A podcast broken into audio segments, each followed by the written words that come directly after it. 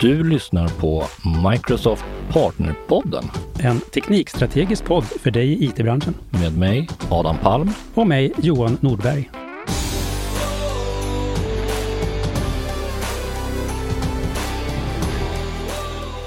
Hej och välkommen till Partnerpodden. Idag pratar Adam och jag med Ola Fagerström. Åh, Varmt välkommen. ja. Tack, tack, tack. Vill du eh, presentera vem, vem 17 du är, Ola? Vem 17 är Ola Fagerström? Ja, Ola Fagerström eh, sitter i, på Microsoft och pratar hårdvara hela dagarna.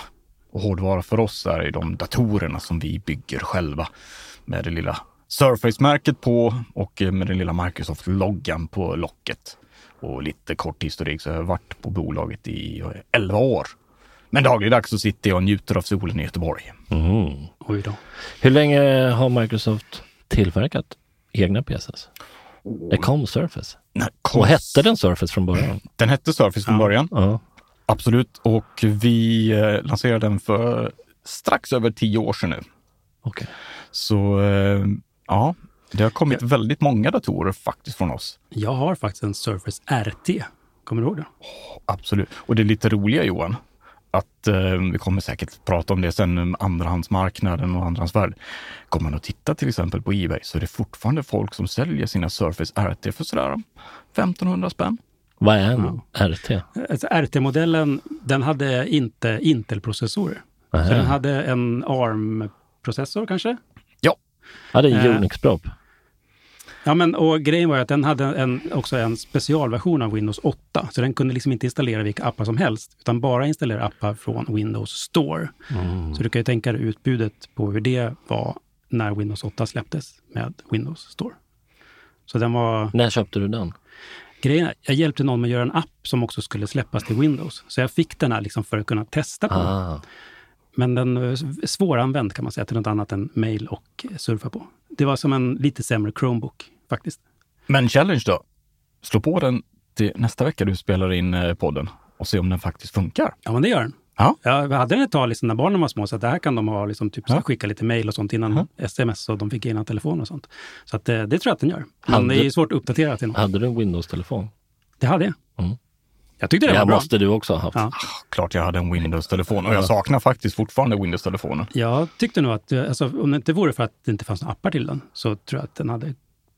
Den skulle behövt komma lite tidigare, det skulle behövt komma fler appar. Men att det själva OS tyckte jag gillade väldigt Ja, mycket. Jag tror att vi, vi låg ju väldigt långt framme när det gäller en massa saker Ja. redan då. Men tajmingen har varit lite taskig. Men eh, så, gå tillbaka till hårdvara. Microsoft har ju faktiskt tillverkat hårdvara väldigt länge. Jag tänker att det fanns ju en tid där de bästa mössen till exempel, det var ju Microsofts... 3.0. Jag kommer inte ihåg vad den hette nu, men Explorer 3.0, hette den inte så? Jag ville sätta första ergonomiska tangentbordet. Ja, det här som Hur var... länge har, Microsoft byggt tangentbord? Jag tror 30 år. Ja. och Xbox. Så att, jag tänkte att det här att det kändes som att det kom lite som en chock att Microsoft började göra egna laptops. Mm. Men är det inte lite konstigt att det blev som en chock? Eller bara för att det var så unprecedented att vi skulle börja konkurrera med våra partners? Eller vad, vad var grejen där? Grejen var ju väldigt mycket också att vi såg att det fanns en annan stor tillverkare där ute som egentligen visade vägen och hade en helt annan prispunkt. Mm. Där alla upplevde det märket som en premiumprodukt. Och så fort man pratade om PC så var det plast och billigt. Just det. Och när vi kom med Surface, så kanske inte den första Surface RT, men den nästa generation av det och sen framförallt när vi kom till Surface Pro 3 som var något år därefter. Då skapade vi ju liksom både en helt ny kategori av datorer, men även visade vägen för att ja, men PC kan faktiskt vara en premiumprodukt också. Tog man det liksom fast forward bara ett par år efter det så hade ju alla de andra stora tillverkarna också premiumdatorer som var i nya material, de var lätta, fina. Det var ju vi som skapade egentligen hela det och visade att man kan faktiskt få den upplevelsen på en Windows-dator också. Hur stor del spelar det in att det är, jag antar att det är Apple du pratar om som det andra märket här. Absolut. Ja, med att eh, faktiskt kunna skriva mjukvara för sin egen hårdvara, det har en möjlighet att göra saker bättre? Så Eller? är det, och det vet vi ju liksom från Apple-upplevelsen. Mm. Där är ju egentligen liksom från både att de bygger liksom hårdvaran, chippet och hela vägen upp till OS och alla sakerna där, där som är runt omkring. Mm. Vi är ju i precis samma sitt som de är också. Mm. Det vill säga att nu bygger vi hårdvaran, vi designar chippen själv med det vi har i Surface Pro 9 och det ARM-chippet som vi har där i. Till att vi sen bygger faktiskt mikrokoden som går i datorn. Mm. Till att vi sen bygger OS och hela liksom Office-upplevelsen och så vidare. Så då har vi ju det som vi kallar fint på engelska från chip to cloud. Mm. Men det är faktiskt den största överraskningen för mig, för jag hade inte haft en Surface innan jag började på Microsoft. Men har jag använt många PCs i mina dagar. Jag var nog lite av inställningen så här, men alltså Windows är Windows oavsett. Men det är faktiskt skillnad. Det är annorlunda att köra Windows på en Surface kontra att göra det på en, någon annan plattform, vilket är Jag tänker att det måste varit också frustrerande för Windows-teamet att folk gnäller på att Windows kraschar, att Windows gör ditten och datten. Fast i själva verket, om jag har förstått saken rätt, att det var ofta drivrutiner som orsakade de där krascherna, som hade då mer specifikt med någon annans hårdvara att göra. De var ganska taskig sits att liksom få ta skiten, fast det inte riktigt är ens eget fel ändå.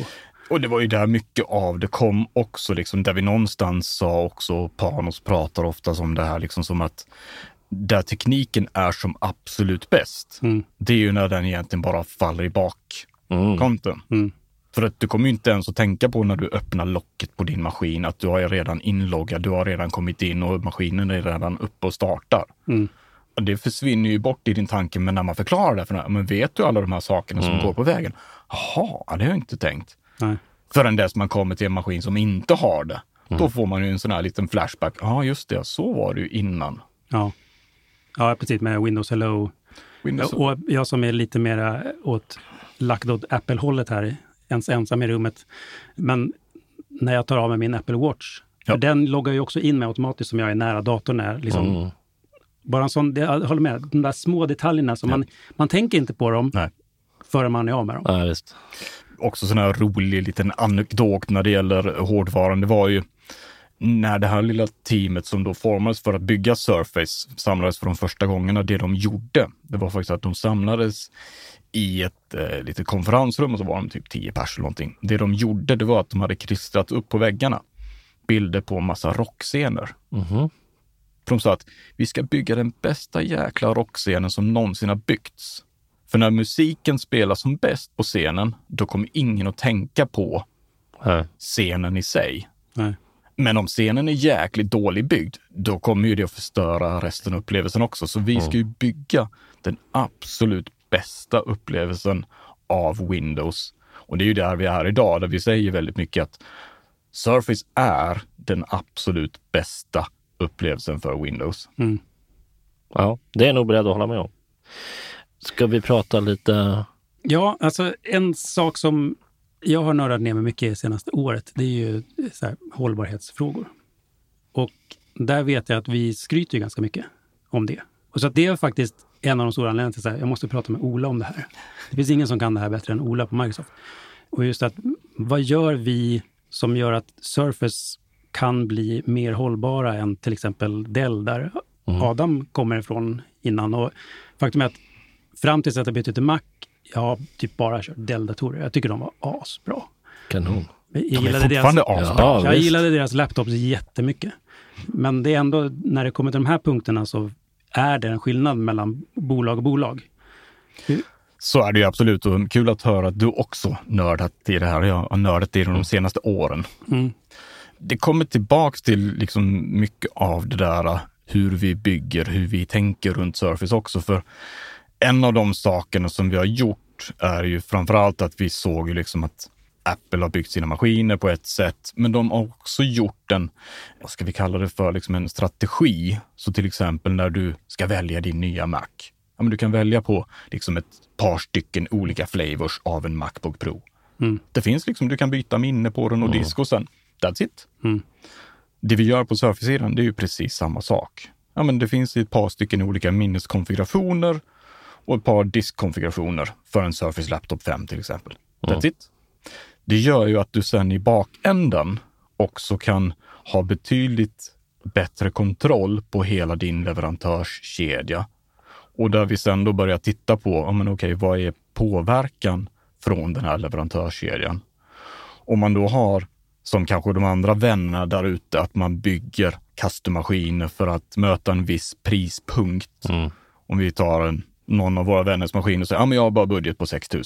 Det är lugnt, vi byter ut tangentbordet till något lite billigare, eller till en annan. Och så tar vi en annan, en annan display och så tar vi en annan disk. Och så har vi ju mätt det där 6 000 som ni hade som krav i budgeten. Build to order. Exakt. Men det gör ju också att det är mycket svårare att få kontroll på hela sin leverantörskedja om man liksom konstant custom bygger maskiner för att mäta en viss prispunkt. Där vi, precis som Apple säger, liksom, okej, det här är konfigurationen som finns. Det här är priset som är. Mm. Give or take såklart lite grann. Ja, ja. Men när det sen då kommer till att ja, men nu måste vi också börja visa våra klimatsiffror.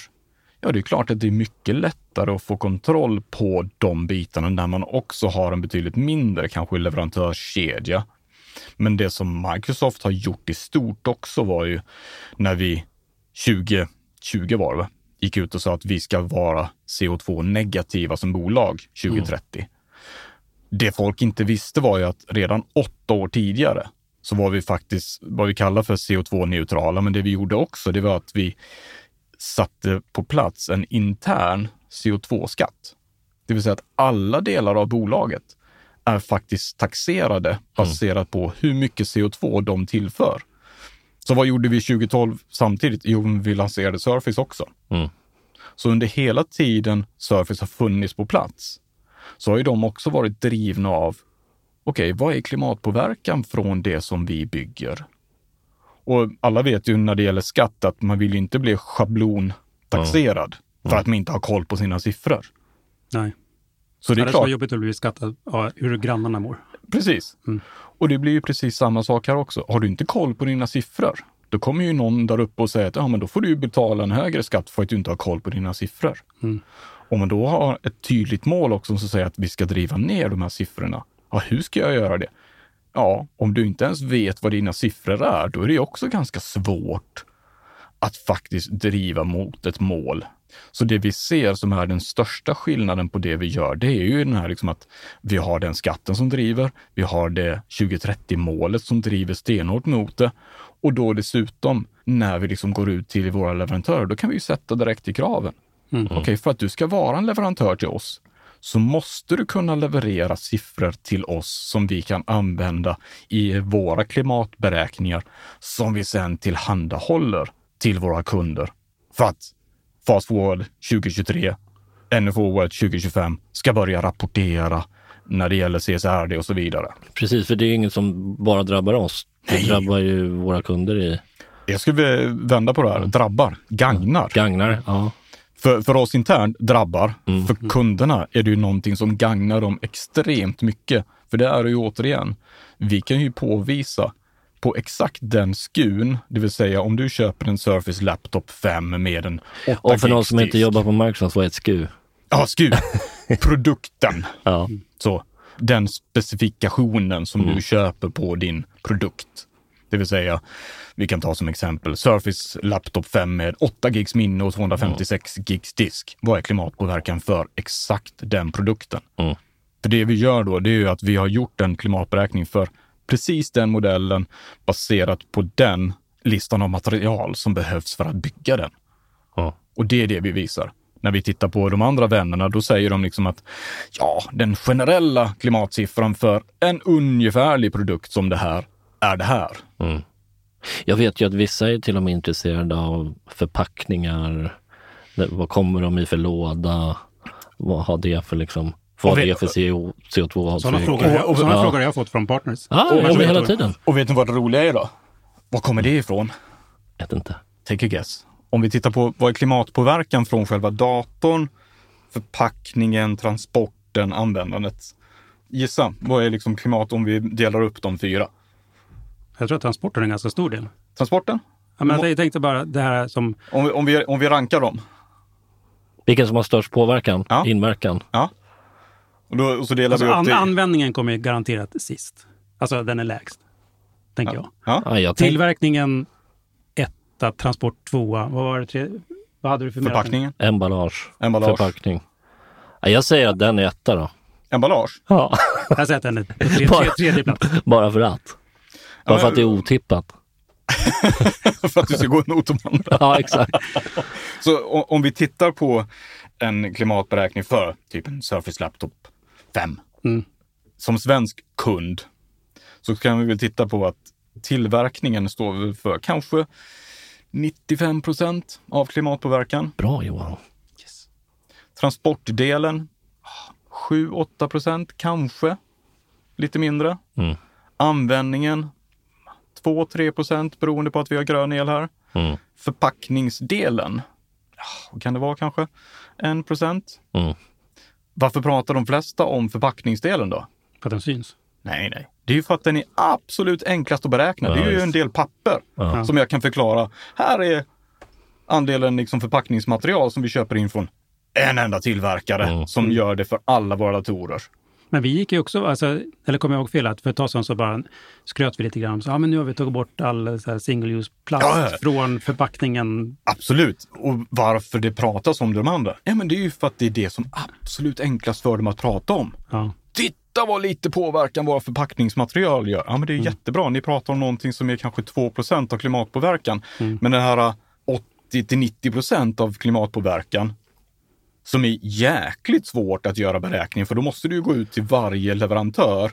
Du, hur mycket är påverkan från den skruven som jag ska sätta i den här maskinen? Och hur blev den skruven tillverkad från råmaterial till skeppande till fabriken till nästa, till nästa, till nästa?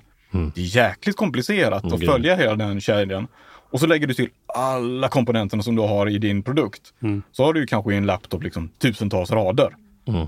Då måste du ha koll på hela leverantörskedjan av alla de produkterna. Extremt svårt om man då bygger custom-maskiner för alla. Vad är det lättast att prata om? Förpackningen. Ja. Så det går ju alla ut och pratar om. Titta, nu har vi minskat förpacknings... Eh...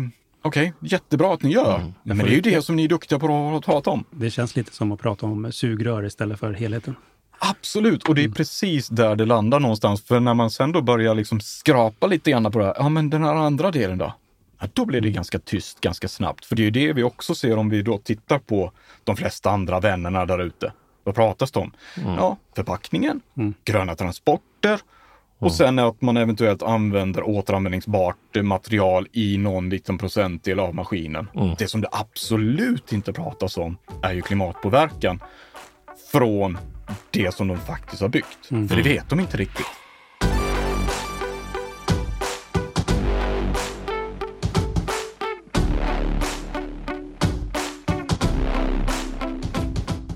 Apple gick också ut och fick ganska mycket skit för, kommer du ihåg när de slutade skeppa med laddare i sina Ja, boxar? Så att, så att själva iPhone-kartongen blev ju bokstavligt talat hälften så hög. Ja. Och med därmed få in dubbelt så många i varje lastbil. Just det.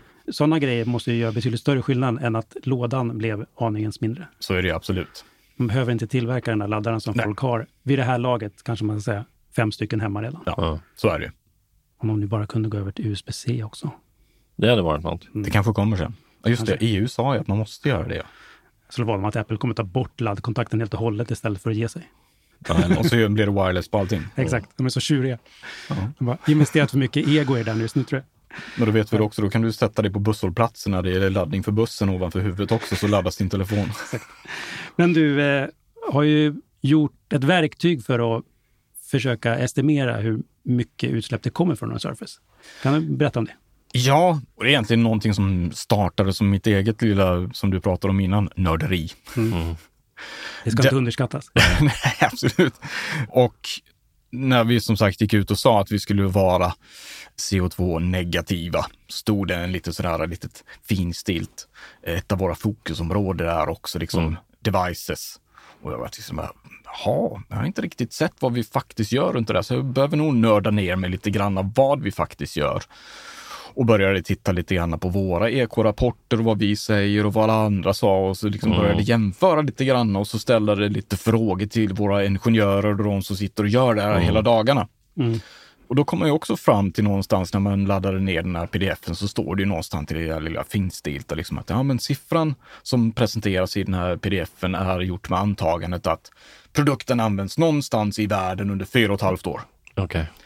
Ja, men det är ju fantastiskt mm. om jag är en global kund och använder min produkt under fyra och ett halvt år. Då vet jag exakt vad klimatpåverkan är. Men om jag är en svensk kund så vill jag ju veta vad är klimatpåverkan för mig som svensk kund om den nu har skeppats till Sverige och jag sitter och använder det på det svenska energinätet mm. som är något helt annat än det indiska eller vad ja, det är för någonting. Så då gick jag tillbaks till eh, våra ingenjörer och sa, men vi måste ju kunna göra det här på ett bättre sätt. För vi har ju faktiskt den andra datan också. Vi vet ju hur vi skeppar ja, våra devices vart de nu ska. Mm. Och vi vet ju vad energinätet i Sverige är så kan vi inte bryta isär den beräkningen som ni har gjort när vi då gjorde beräkningen för produktion, transport, användning och så vidare. Och de vart vi lite bara, ja, nej, men det har vi ju funderat på nu i ett par års tid. Så då satt jag och gjorde ett litet nörderiprojekt och byggde en liten prototyp för dem där och så gick jag tillbaka och sa, men så här kan vi göra det. Mm. Jaha, ja, vi har ju funderat på det här i fem år. Så kommer du som en liten kanin ur, ur hatten och har redan byggt det färdigt åt oss.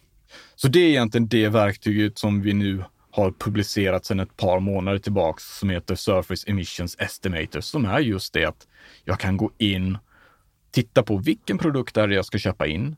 Då kommer den att titta på sen att okej, okay, vi ska skeppa den till Sverige. Jag ska använda den på det svenska elnätet under x antal år som jag kan välja verktyget. Det som vi då gör, det är att då tar vi hela våran backend-data mm. och tittar på vad var transporten? Vad var tillverkningen? Och sen det som är ännu lite nördigare, då har vi också tagit med Windows-data i det. Okej. Okay. Så att då tittar vi på faktisk användning av Surface-maskiner ute i världen. Och så visar vi den telemetrin och säger så här mycket el kommer troligtvis en Surface-maskin av exakt den modellen som du tittar på mm. att använda under det antal år som du kommer använda det. Så att då kan man ju direkt se, okej, okay, både vad klimatpåverkan är för elanvändningen, men även energiförbrukningen. Mm. Mm. Och det här, det är ett verktyg ja. som man som kund kommer åt? Absolut. Ja. Så både som partner eller som ja. kund så kan man gå in på exploresurface.com och så längst ner i hörnet så finns det Surface okay. Emissions Estimator där man kan gå in och välja sina produkter. Det här, det här, är någonting som man kanske gör innan man köper någonting för att kunna jämföra eller är det någonting Absolut. som man gör efter för att, när man ska göra sin CSR-redovisning? Det är väl både och. Ja. Så eh, där vi är just nu så är det kanske primärt för att titta på, okej, okay, vad är påverkan innan jag köper in dem? Men har jag redan köpt in produkter så kan jag ju absolut gå in och plocka ut en rapport också. Kan jag använda det här också för att säga att om man jämför en Surface 9 mot en Surface Studio. Studio. Ja, absolut. Och se hur påverkar det och fundera på hur mycket extra prestanda får jag ut av den här och vad är, vad är liksom kostnaden både i pengar och annat? Det man också kan faktiskt se i verktyget är ju till exempel, ah, men vad skulle hända om jag började använda Windows på ARM? Mm. För att då vi kan ju titta en Surface Pro 9 med ARM. Mm. Jämföra det med en Surface Pro 9 med Intel. Just det. Så kan är se. ARM generellt mindre energikrävande? Ja, mm. Absolut. Mm. Och det vi också visar i den här lilla energiberäkningen, det är ju faktiskt en liten blå stapel som ni kommer att se när ni går in och tittar i det här verktyget där det står Energy Star. Mm. För att alla tillverkare ute ropar ju liksom högt. Ja, ja. Liksom, ah, men du vet, vi möter Energy Star-standarden. Mm. Och så är det en sån här liten stjärna på produkten och så vidare. Men det som folk inte riktigt har förklarat, det är ju egentligen att Energy Star är ganska dålig på att beräkna faktisk användning av produkten. För att det är ju en sån här liksom energistandard som kom på plats eller beräkning för att minska energipåverkan från AC och kyl och mm, frys och sådana här saker som är du vet av eller på. Mm. Men det som den säger i beräkningen för laptops och telefoner, då säger den egentligen, ja men hur mycket energi använder den här produkten när den är avslagen? Det de kallar för sleep mode och sen det de kallar för long idle och short idle. Mm. Men vad är det man saknar i den där lilla beräkningen då? Teamsmöten. Exakt.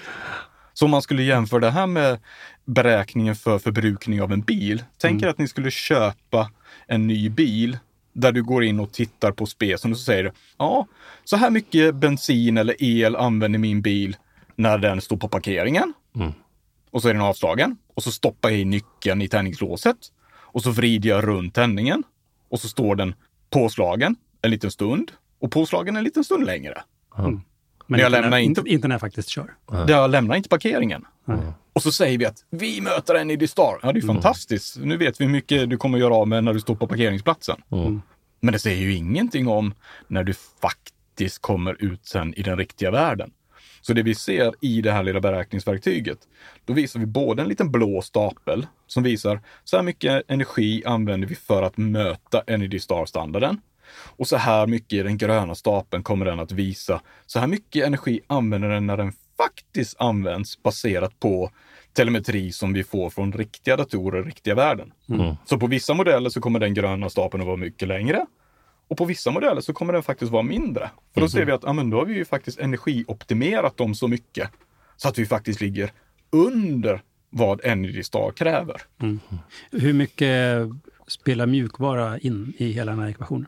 Det är klart att det spelar jättemycket jag har ju sett att vi har ju gjort vissa saker, typ att Windows Update eller Xbox Updates försöker den köra på lågintensiva timmar till exempel. Inte bara att den ska inte störa dig när du jobbar, utan Japp. försöka optimera för när energin är så ren som möjligt.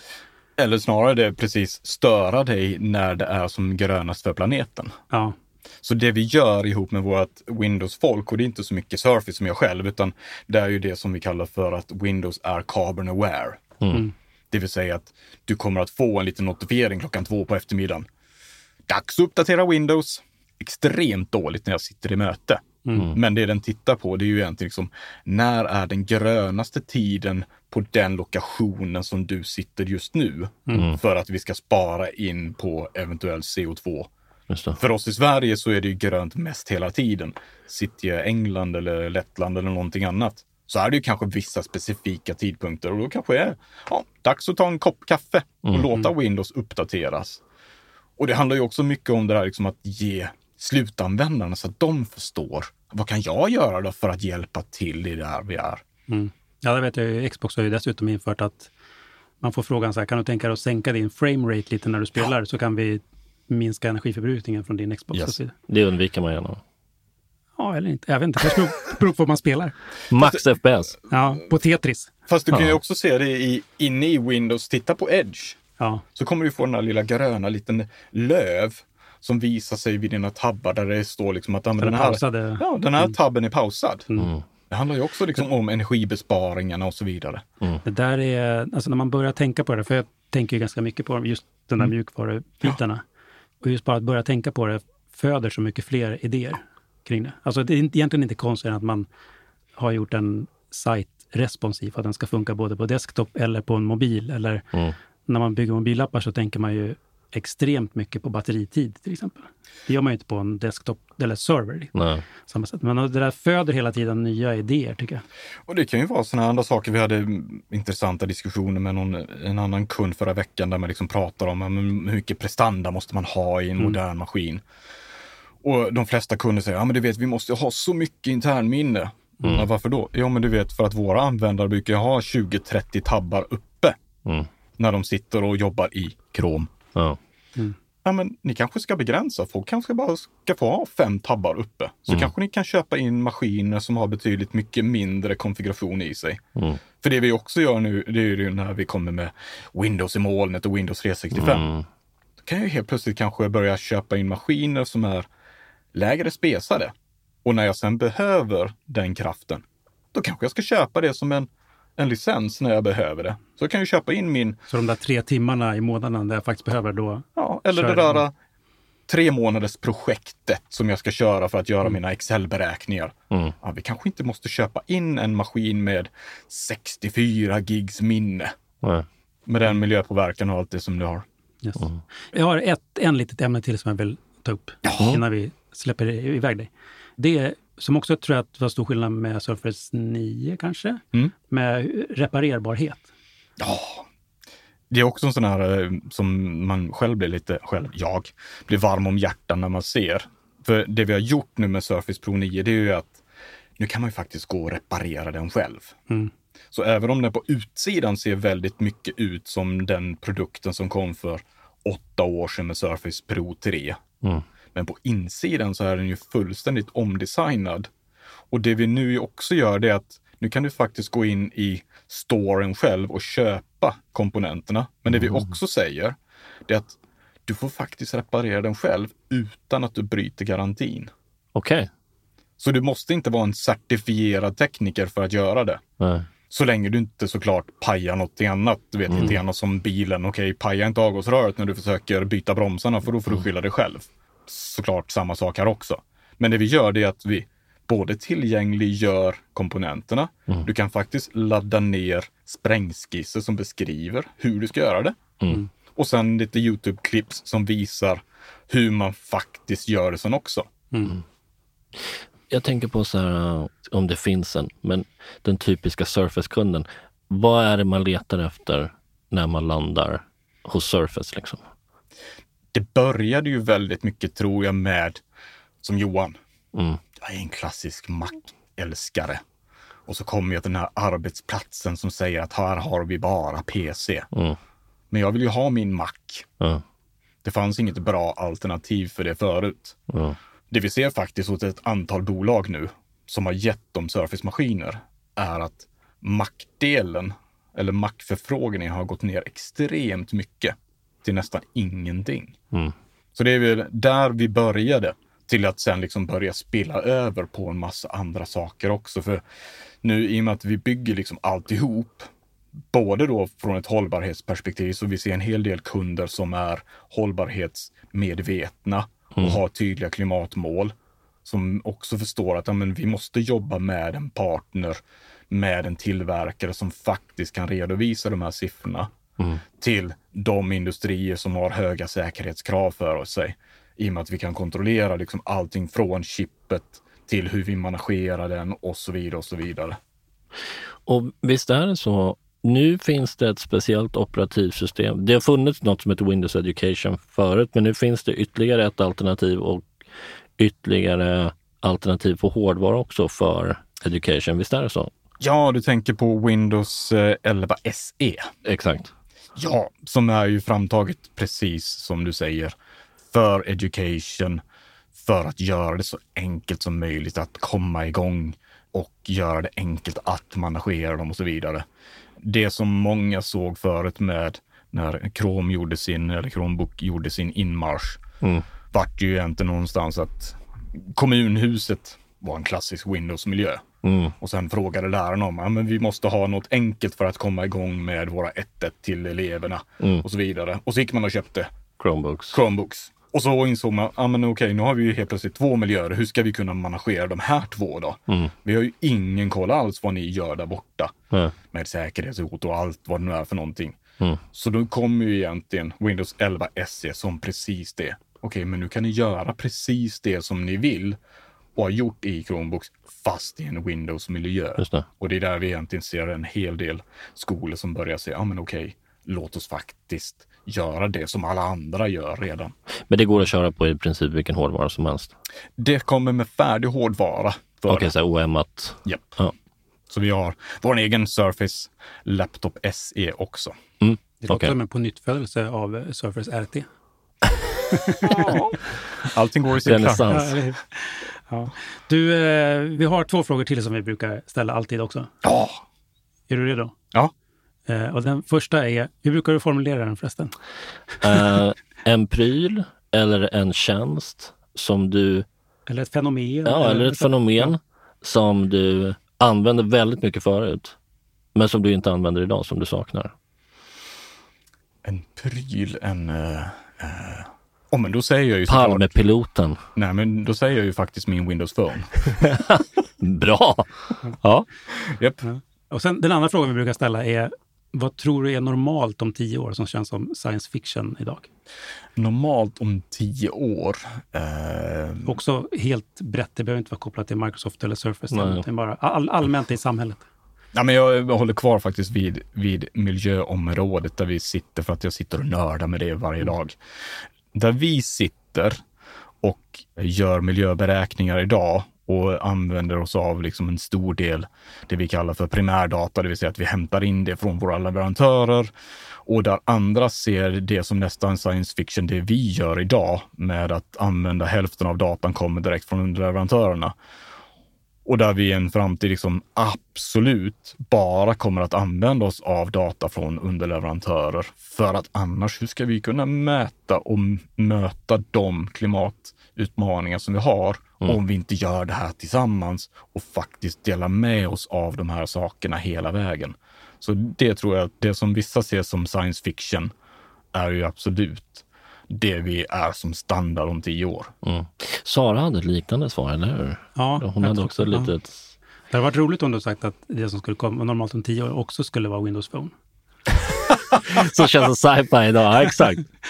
Jag har jobbat en hel del med HoloLens ja. genom åren. Ja. Fråga, fråga så, jag, så, jag, skulle ju kunna svara att också liksom att nu är HoloLens, vad är den? Sex, sju år gammal. Mm.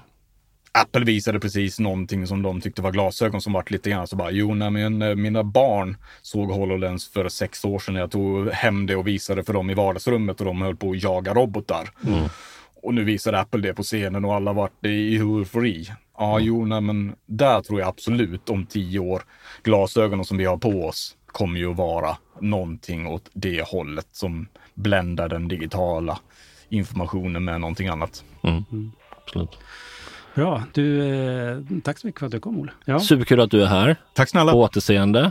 Yes. Tack Bra. för idag. Tack för idag. Hej då. Hej. Hej då. Du har lyssnat på Microsoft Partnerpodden, en podd om Microsoft Sverige med mig Adam Palm och mig Johan Nordberg. Som vanligt hittar du länkar och resurser på aka.ms partnerpodden. Maila oss gärna på partnerpodden at microsoft.com.